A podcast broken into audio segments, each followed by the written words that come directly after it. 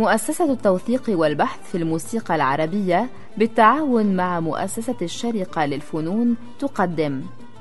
دروب النغم.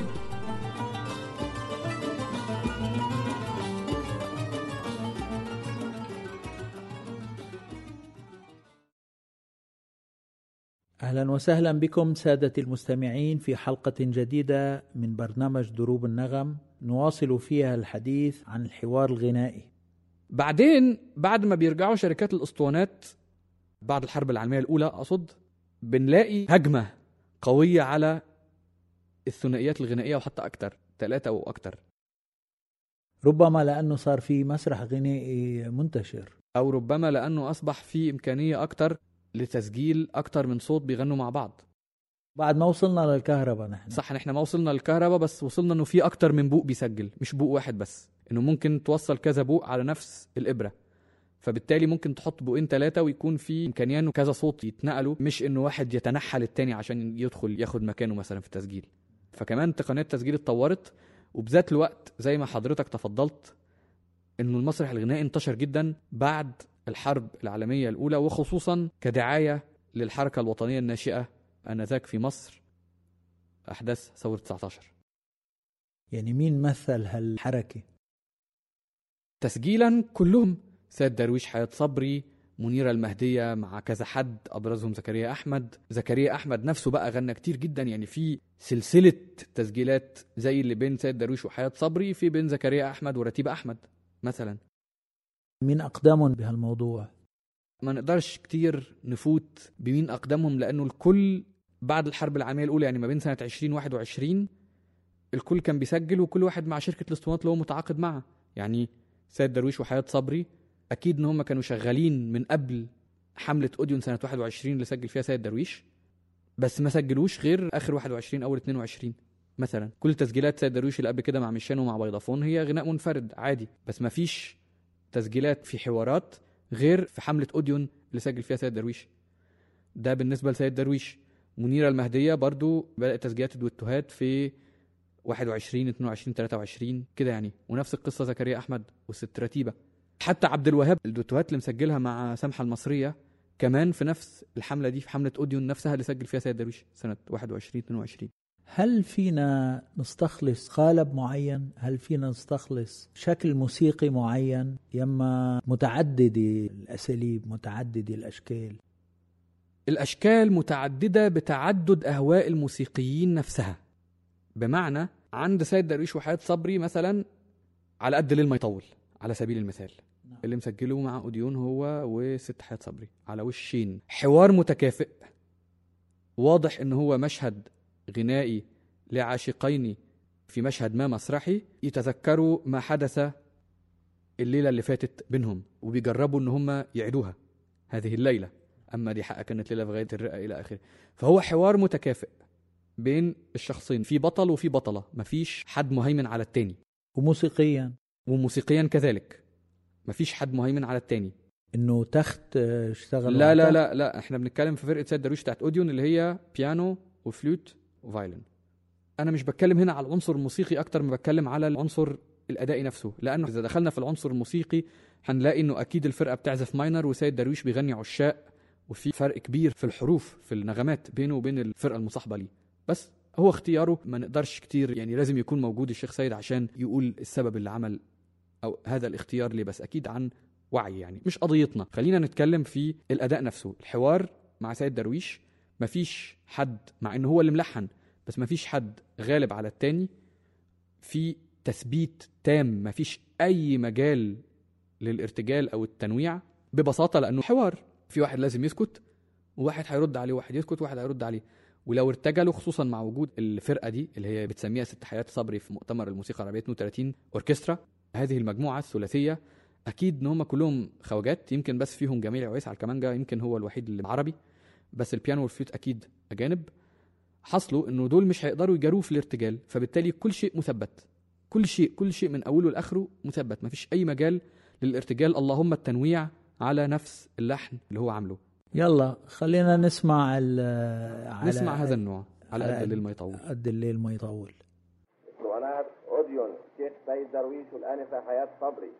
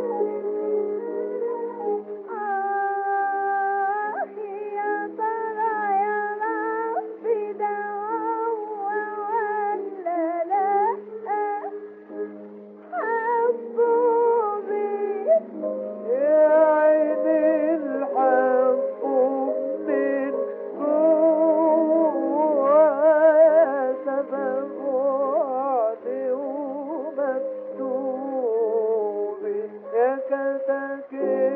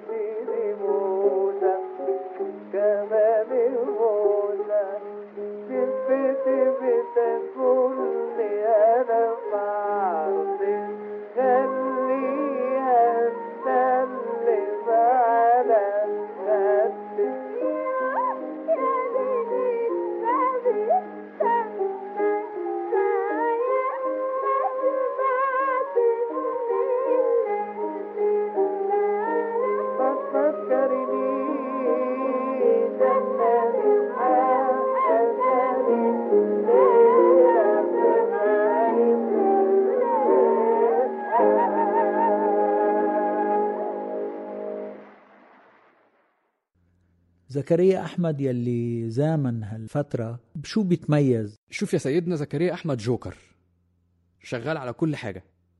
بمعنى إذا استمعنا لحوار أكيد هو اللي ملحنه ومسجله مع منيره المهدية. وعدي عليك يا غندورة. في هذا الحوار هو مراعي تماما رغبة منيره المهدية في إن هي تكون نجمة. وبذات الوقت مراعي ان هو شيخ.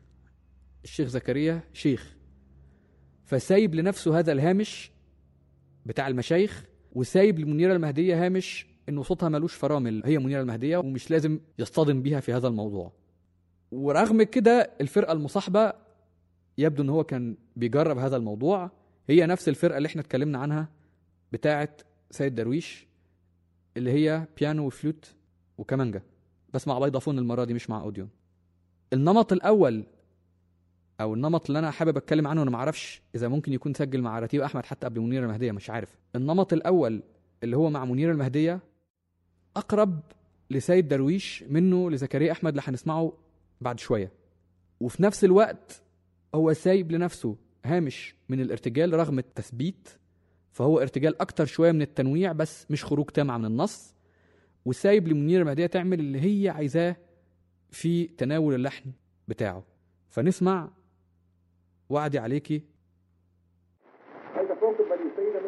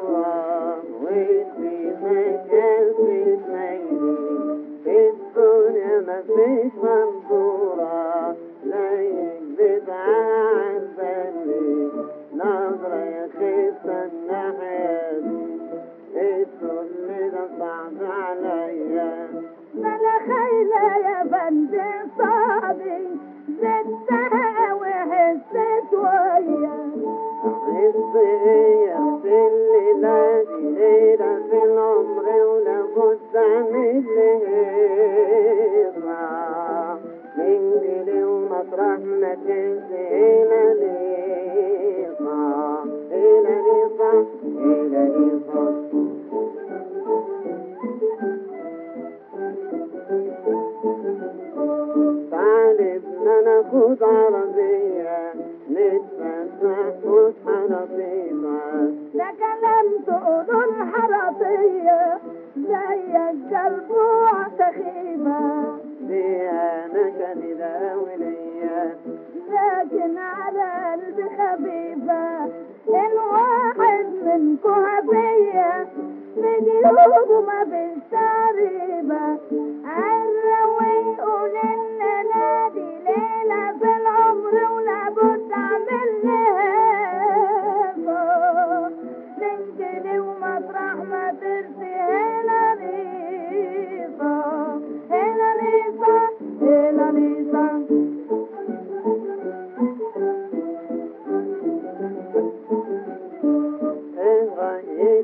This have been.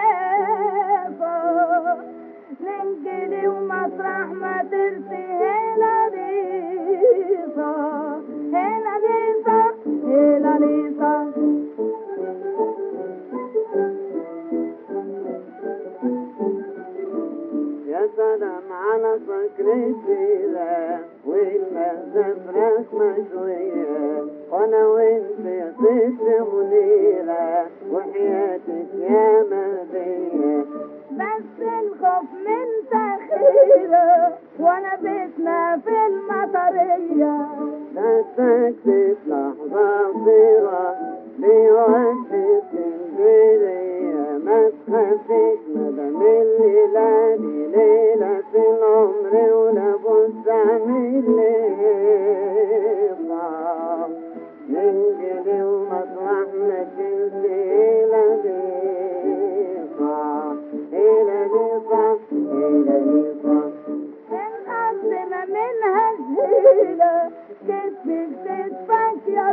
يلا بنا يا كريستوس اسمها جميلة إلا نويت وصفنا